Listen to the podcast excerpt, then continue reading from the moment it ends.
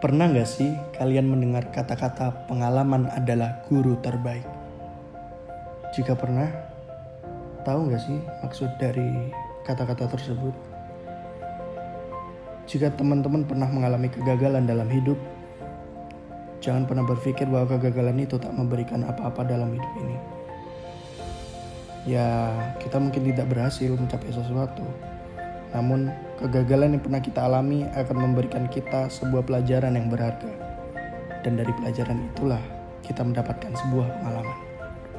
Oleh karena itu, podcast ini hadir untuk teman-teman yang mau meluangkan waktunya mendengarkan pengalaman berharga itu.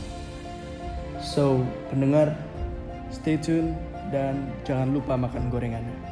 Keburu dingin, bro.